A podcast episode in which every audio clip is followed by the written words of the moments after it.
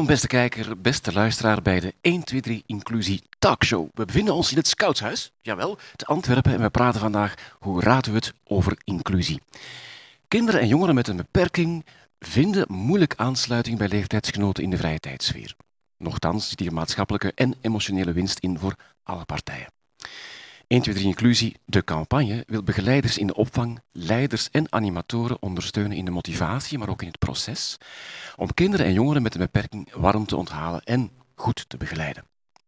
In de talkshows, het zijn er vier, zoomen we telkens in op een specifieke doelgroep. Op dit moment kijkt en luistert u naar de aflevering over buitenschoolse kinderopvang. Strakjes op het einde praten we ook met Beno Schrapen, de auteur van het boek Exclusies. Dit boek Beno is er ook live aanwezig. Hij zit daar. Hij gaat goed opletten, allerlei zaken opschrijven en strakjes reflecteert hij op wat hier allemaal verteld is en geweest is. Maar intussen bij ons aan tafel een eerste gast. Dag mama Ilse. Hallo, dag Wouter. Ilse, let's talk about Jack, jouw zoon. Toen ik jou een poosje geleden uh, belde en ik vroeg hoe het met hem gaat, durfde je bijna niet zeggen dat het goed ging. Want eigenlijk gaat het niet echt goed. Hè? Mhm. Vertel eens, wat is er met hem aan de hand? Ja. ja, ik vind het altijd een hele dubbele vraag. Gaat het goed? Ja, maar tegelijkertijd uh, ook niet. Hè. Uh, Jack is uh, doof geboren, um, heeft ook een CP, dus hersenschade opgelopen, waardoor hij motorisch heel wat uitdagingen heeft in zijn spraak, in zijn gebruik van zijn lichaam. Um, wat het leven best uitdagend maakt voor hem. absoluut, ja. absoluut, absoluut. Um, je sprak eigenlijk ook over het gegeven dat, um, gezien de omstandigheden, je eigenlijk een rouwproces doorloopt. Kan je dat eventjes duiden? Want dat is toch wel bijzonder voor de kijkers en de luisteraars. Ja, ja toen uh, Jack geboren werd, uh, is het voor ons pas duidelijk geworden dat er iets uh, aan de hand was. Um, en als, als ouder, um, als mama zal ik misschien ook spreken voor mezelf. Hè. In eerste instantie uh, is er een groot schuldgevoel, omdat je het gevoel hebt dat je ja, toch ergens gefaald bent, dat kindje niet gezond op de wereld hebt gezet. Ja. En dan komt er inderdaad een rouwproces, omdat je uh, ergens moet verwerken dat het leven er anders gaat uitzien dan dat je verwacht had, dat het, de toekomst van dat kindje er anders gaat uitzien dan, dan je verwacht had. Okay. Um, dus dat vraagt echt wel heel wat tijd om, om, om je daaraan aan te passen, om, om daar terug oké mee te zijn. Gaat het eigenlijk over verschillende momenten van confrontatie dan? Dat je telkens opnieuw geconfronteerd wordt met het gegeven, het zal nooit worden zoals bij andere kinderen. Ja.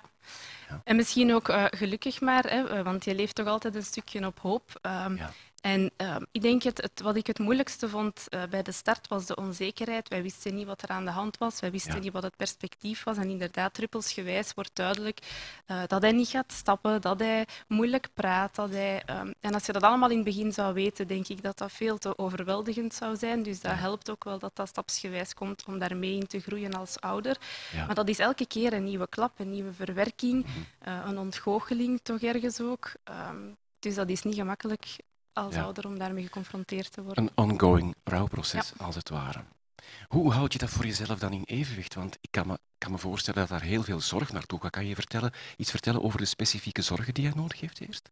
Ja, um, de, ja sowieso heeft hij heel veel therapie nodig, hè, zowel uh, op vlak van uh, logopedie.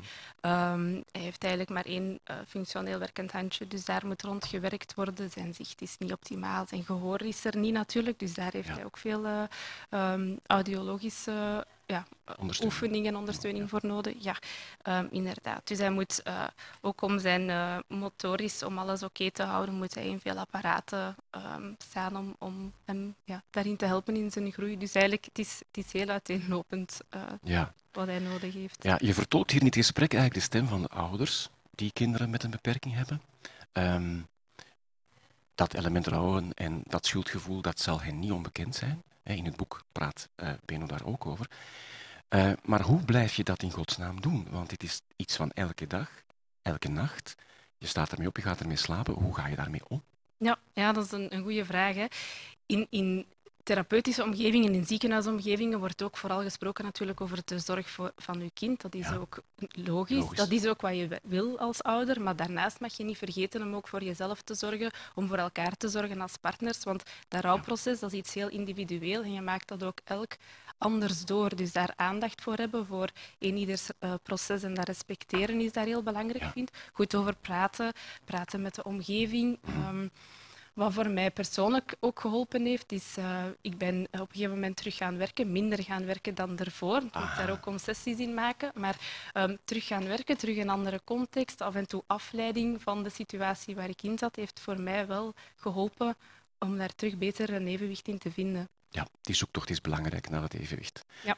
Ja, een leven-werk, zullen we dan maar zeggen. Hè? Ja. Eigenlijk eh, is het gewoon zelfzorg, eigenlijk? Zelfzorg, ja, absoluut. Mogen we dat absoluut, zo noemen? dat mag je zeker zo noemen. Ja. ja. Oké. Okay. Uh, beste Ilse, dit was een zeer kort, maar zeer interessant gesprek. Mag ik jou bedanken? Zeker, okay. graag gedaan. Iedereen heeft een beperking, of niet soms?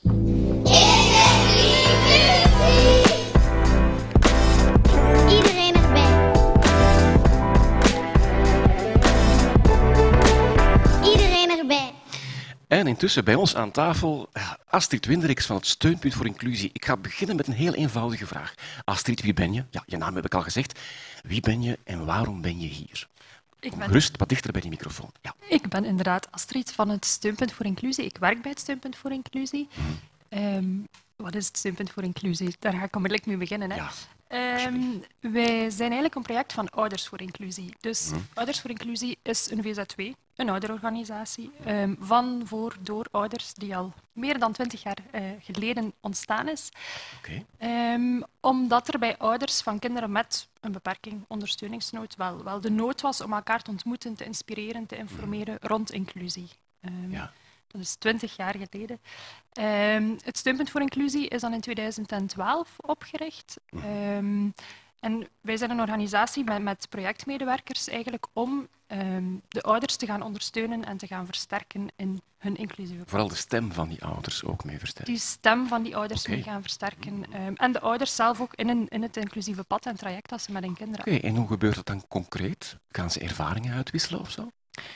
Um, op, op heel verschillende manieren. Hè. Um, als ouders contact met ons opnemen, met Ouders voor Inclusie of het Steunpunt, dan gaan we echt gaan kijken van, van wat leeft er, wat heeft die ouder op dit moment nodig, waar staat hij ook in dat inclusieve traject, is die nog zoekende, is inclusie mogelijk voor ons, voor, voor ons kind, um, of hebben die al een heel traject afgelegd, dan gaan we echt op zoek. dat kan zijn door ouders informatie te geven over wat kan, wat dat de rechten zijn, door hen in contact te brengen met andere ouders, of echt als steunpuntmedewerkers met hen een stukje van dat pad te gaan wandelen. Okay. Kom je wel eens moedeloze ouders tegen, die echt moe gestreden zijn? Dat, dat, is zeker zo. Um, dat is zeker zo. We hebben heel strijdvaardige ouders. We hebben ook ouders die zeggen, dat was het zoveelste keer dat we tegen een muur gelopen zijn. Ja. Um, en dan gaan we echt zoeken van, oké, okay, hoe kunnen we samen met hen toch terugzoeken waar dat er wel kansen en mogelijkheden zijn. Um, ja. Gaan jullie ook letterlijk mee op pad? Ja. Fysiek? Fysiek. Wij okay. gaan mee over heel Vlaanderen mm -hmm. uh, met alle ouders rond alle levensdomeinen. Dat kan zijn rond onderwijs, naar scholen, dat wij meegaan naar overleg of overleg voorbereiden, maar evengoed naar vrije tijdsorganisaties, naar kinderopvang, um, op, ja, rond wonen, um, rond arbeid, op alle mogelijke domeinen gaan wij fysiek ook samen met ouders op pad. Zeg, en uh, krijgen jullie veel vragen? Ja, um, we hebben uh, meer werk dan dat we vaak aankunnen, maar, maar uh, daar gaan we voor. Hè. We hebben per jaar toch al meer dan 300 vragen van, van ouders. Die ons, dat is opmerkelijk veel, hè? Ja. Is er bijna eentje per dag als je de vakanties eraf trekt. Ja, ja dat is inderdaad een, een hele boterham.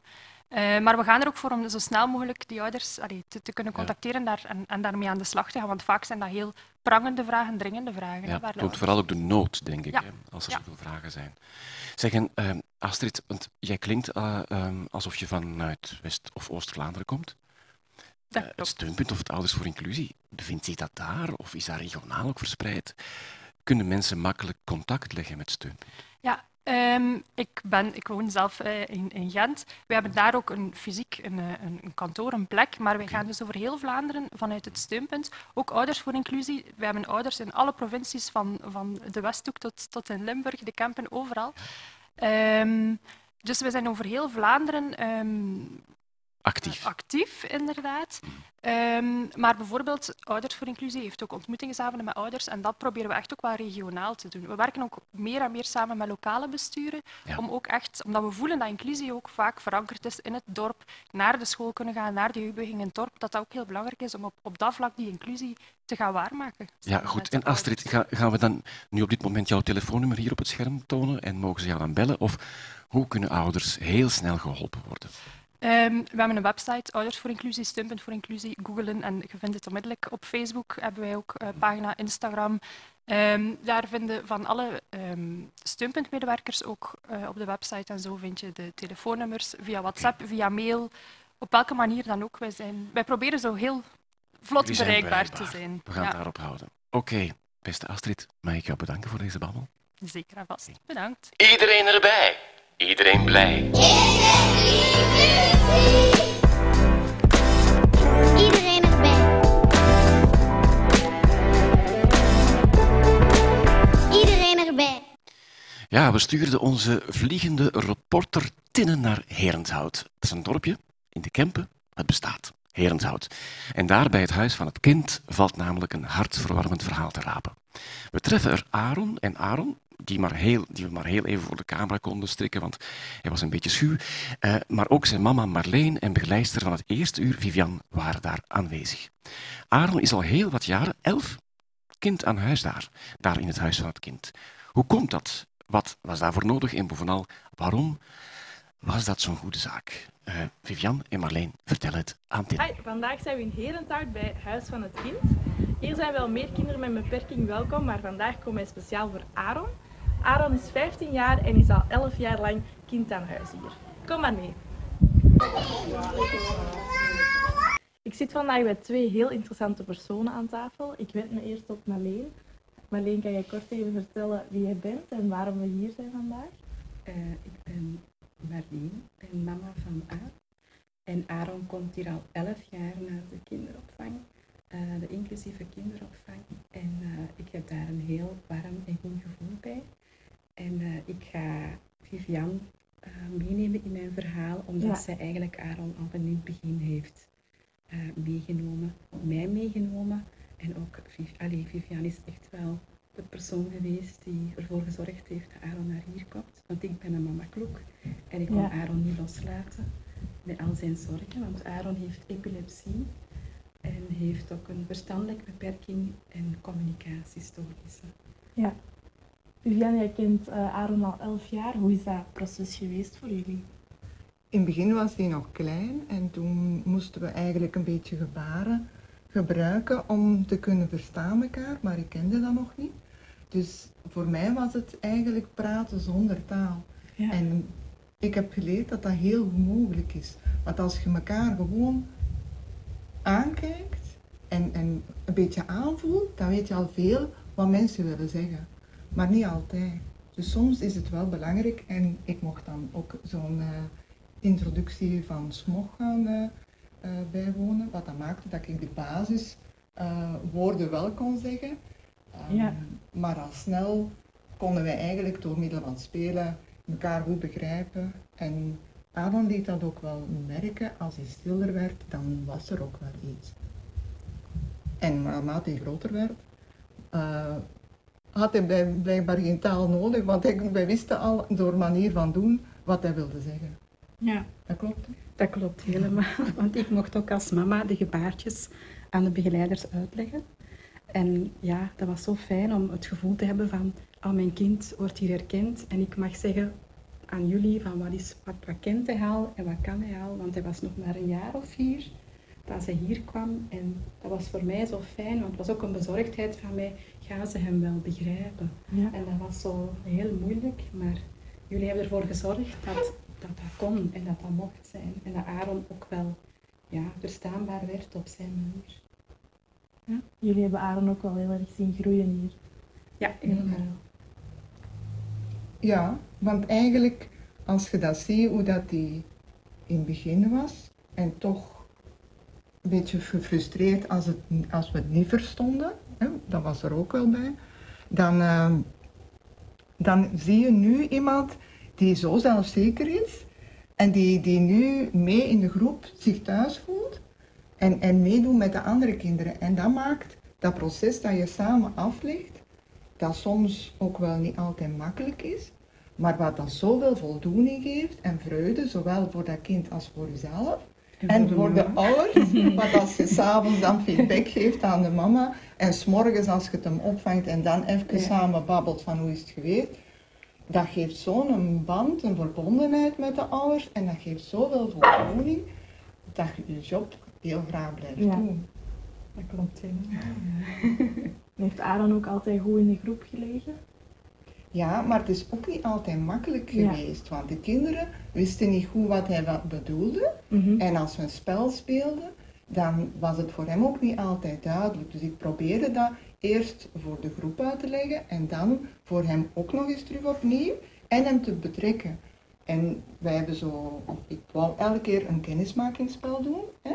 En tijdens dat kennismakingsspel leerden de kinderen elkaar kennen, met hun positieve kanten, maar ook wel wat dan moeilijker was.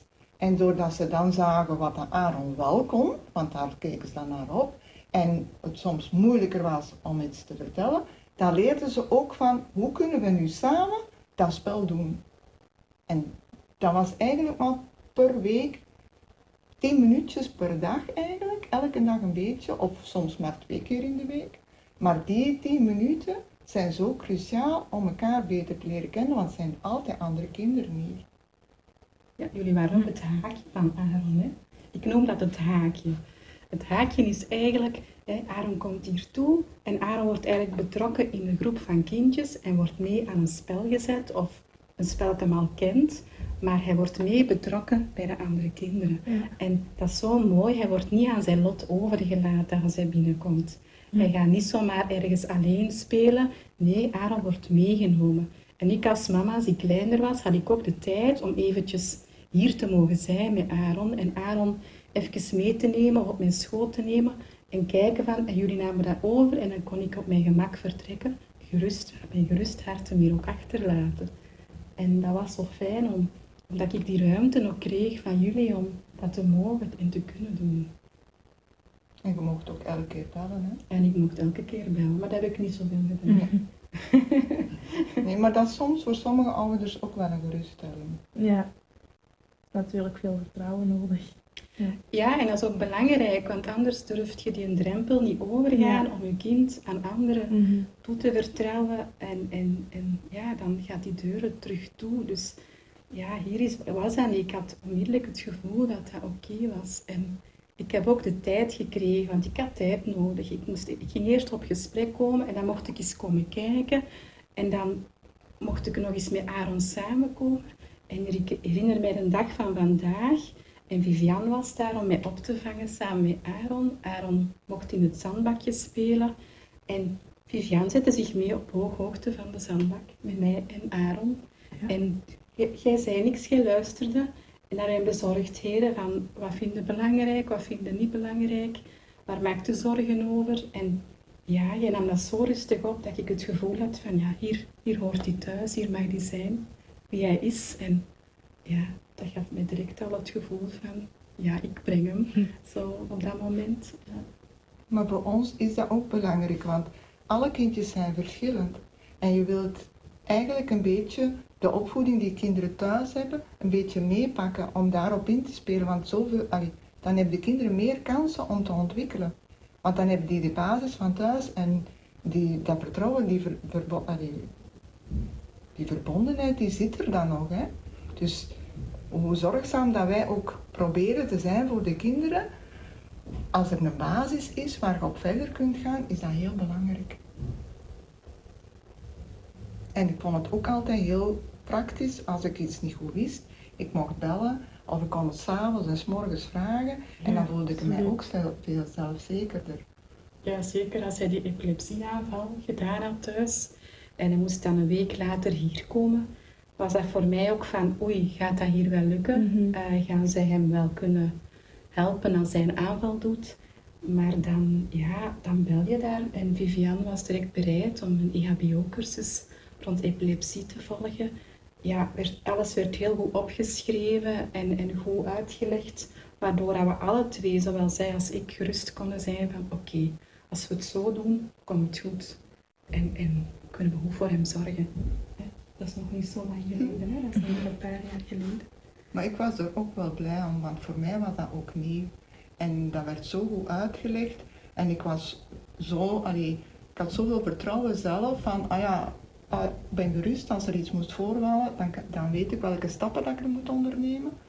En zo heb ik dan een, normaal gezien zo'n zakje rond mij, waarin dat van ieder kind die dat op dat moment heb, een envelop insteekt om het te zorgen. Want we hebben ook kinderen met, met epilepsie. En voor het één kindje is dat vijf minuten, maar voor de andere tien minuten, dat is allemaal verschillend.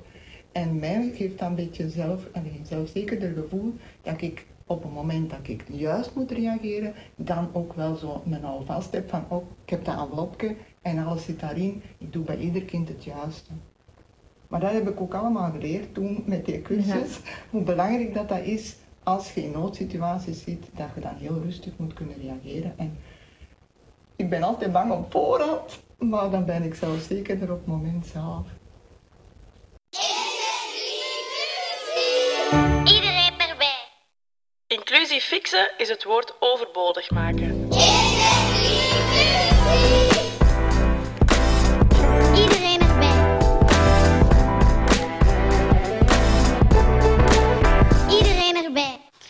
Ja, uh, beste mensen, uh, er zijn mensen die andere mensen die mensen coachen ook nog eens coachen. En in dit geval hebben we hier een heel bijzondere gast aan tafel, want bij de Blauwe Lelie werken ze met inclusiecoaches. Wie zijn ze? Wat doen ze? Wat drijft hen? En waarom doen ze wat ze doen? Een van hen is hier en ze is zeer welkom. Dag Ilse. Dank u wel. Ja, Ilse, uh, ik heb je nu aangekondigd als een soort superheld. Hè. Uh, maar misschien is het ook wel zo. Kan je vertellen wat inclusiecoaches eigenlijk doen?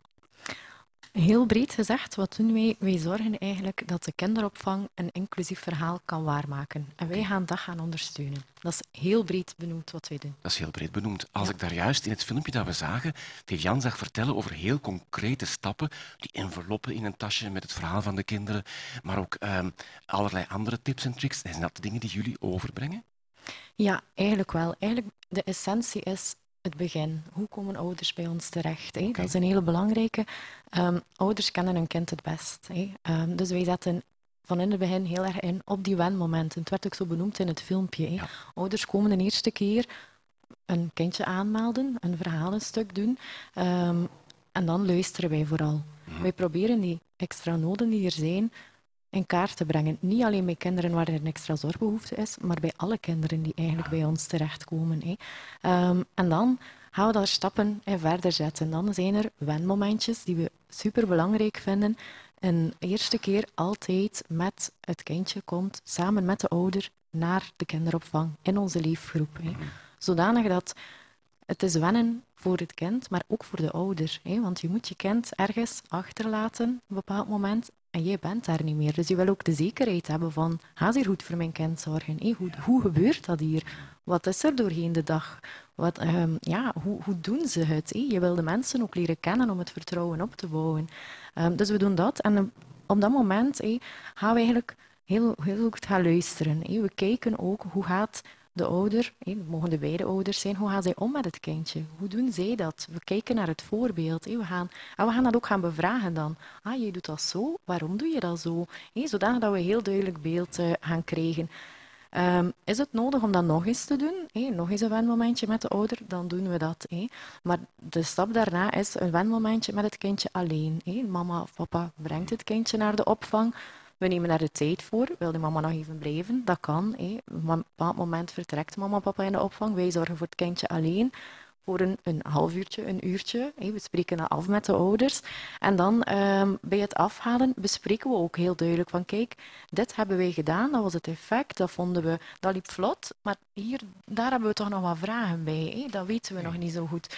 Ja. Um, en dat is superbelangrijk. Niet doen van, oké, okay, wij doen het wel allemaal. Hè? Gewoon heel duidelijk gaan communiceren. Hè? We gaan samen een weg, hè? we gaan samen een, een proces aan. En dat is ook soms met dingen die wij niet weten. Ja. Uh, en dat ook gewoon gaan benoemen naar ouders en gaan vragen van, oké. Okay. Werkt een inclusiecoach vraaggestuurd? En als dat zo is, Komen die vragen dan van de ouders of komen die van de begeleiders? Want dat moeten we toch wel duidelijk stellen, denk ik zo. Ja, ehm, wel, het is zo. Ik werk ehm, binnen de vereniging van de Blauwe Lelie en ik ga eigenlijk ehm, bij het begin, bij een wenmomentje, zie ik de ouders wel, maar in het proces daarna zijn het vooral de kindbegeleiders die Ah, dat opnemen. hè. Dus ik ga de kindbegeleiders gaan ondersteunen in het verhaal. Ehm, Dus de meeste vragen die je krijgt, die komen van hen. Ja, Hoe komen van hen eigenlijk. Ja, Wat kan ik doen? ja, en dan ga ik hen in het hele proces gaan ondersteunen. Dat kan zijn in hoe doe ik het in de opvang, welke aanpassingen kunnen we daar gaan doen om het kindje volledig te betrekken in de opvang. Eh, maar dat kan ook zijn in hoe ga ik een gesprek aan met de ouders. Ja, Oei, Hoe start ik daar nu? hoe doe ik dat? Ehm, welke dingen zijn belangrijk? Dat, kan, dat kan heel breed, eh, heel breed gaan. Ehm, maar natuurlijk buiten onze vereniging ehm, zijn er ook opvanglocaties. en die kunnen beroep doen, ook als ouder, op Dat is een Centrum Inclusieve Kinderopvang, waar inclusiecoaches we- eh, te werk gesteld zijn. Ehm, en daar kan iedereen terecht. Professionals, eh, toeleiders, ouders, iedereen kan daar terecht met zijn vragen. En dan gaan we daar ook gaan kijken. Hoe gaan we een antwoord eh, bieden? Ja. Ehm, dus zeker vraag gestuurd. En die inclusiecoach, dat is connecting the dots. Kansen kijken, kansen Ja. zien, mensen verbinden. Ja, inderdaad. Heel goed. Ja. Ilse, dat is een perfect verhaal hier, denk ik. Eh, hier kunnen we wel mee afsluiten. Ik wil je heel hartelijk bedanken. En we onthouden één ding. Alles begint bij luisteren. Absoluut, dank u wel. Spreek met de jongere of het kind. Niet enkel met de begeleider.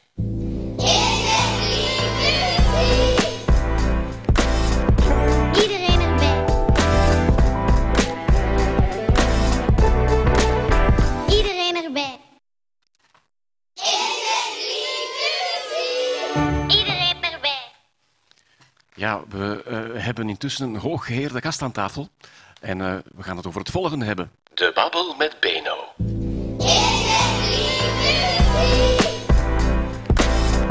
Iedereen erbij. Iedereen erbij.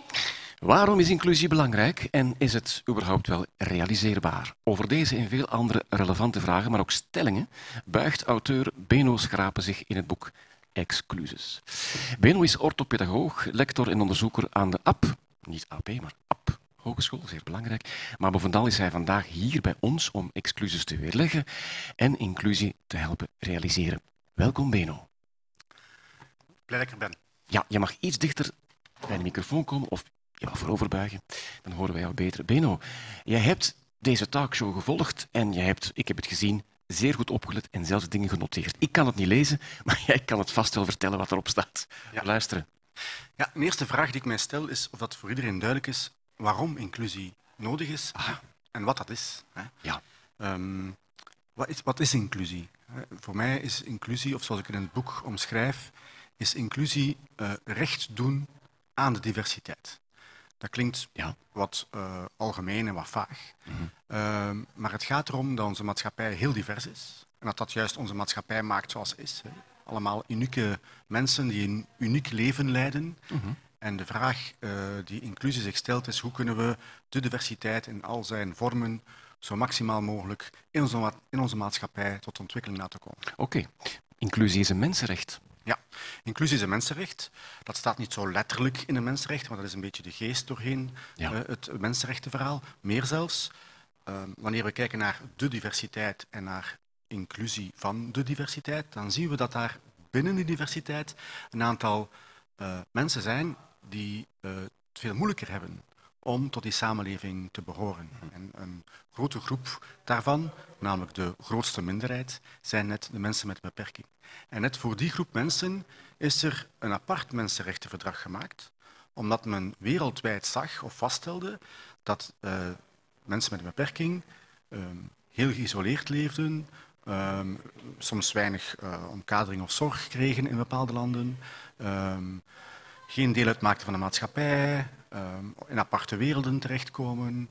eh, dus niet als een volwaardige actor of een volwaardige deelnemer aan die samenleving eh, zichtbaar waren. Hè. Ja. En daarom is dat VN-verdrag gekomen om de mensen uit die onzichtbaarheid te halen en om de discriminatie die aan die onzichtbaarheid kleeft, om die eh, weg te werken. En mensen met een beperking als een volwaardig burger in de maatschappij te laten participeren, een autonoom leven te laten leiden enzovoort. En dat staat allemaal in dat VN-verdrag voor gelijke rechten van personen met een uh, handicap, dat Vlaanderen en alle parlementen in België uh, heeft geratificeerd in 2009. En dat wil zeggen ratificeren dat we dat hebben goedgekeurd, dat onze parlementen dat hebben goedgekeurd en dat door dat goed te keuren dat wij ons arrangeren als staat, als overheid, om wat in dat VN-verdrag staat zoveel mogelijk te implementeren in onze wetgeving, in onze samenleving, in onze maatschappij. Mm -hmm. En in dat VN-verdrag loopt inclusie als een rode draad uh, doorheen dat VN-verdrag. Uh, het gaat over wonen, werken, vrije tijd, uh, onderwijs, cultuur, ja. -hmm. participatie enzovoort. En hoe mensen een volwaardig leven kunnen leiden en, en dat is dan heel belangrijk, hun leven zoveel mogelijk zelf vorm kunnen geven. Mm -hmm. En dat begint natuurlijk zo vroeg mogelijk uh, ja. als, als uh, mensen of kinderen of jongeren met een beperking zeer jong zijn. Ja, uh, we hadden hier ook een mama aan tafel zo net. Heb je reflecties op haar verhaal?